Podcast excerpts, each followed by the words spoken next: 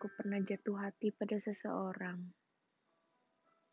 Pernah mencintai seseorang sampai aku mengabaikan akal pikiran. Tanpa memikirkan bahwa resiko dari jatuh hati adalah patah hati. Saat itu aku berpikir bahwa dia adalah orang yang tepat yang dikirimkan semesta untuk aku. Segalanya begitu indah dan benar. Dia datang bukan tanpa alasan. Dia juga pergi bukan tanpa alasan. Aku menyadari semesta ingin aku belajar bangkit dari patah hati. Tapi sampai sekarang, aku tidak tahu bagaimana cara menyembuhkan patah hati.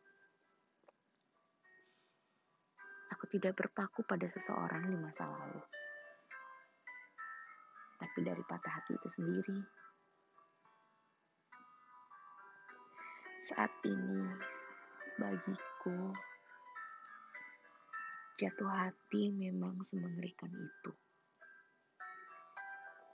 Tapi tak seharusnya aku menyalahkan cinta karena pernah merasakan kecewa. Aku pernah pula membuka hati pada orang yang menutup. Ketika ia masuk, aku berlari sekencang-kencangnya. Tanpa disadari, gambaran masa lalu masih terus menghantui.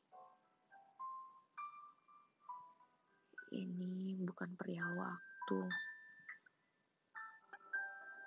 tapi Apakah aku mampu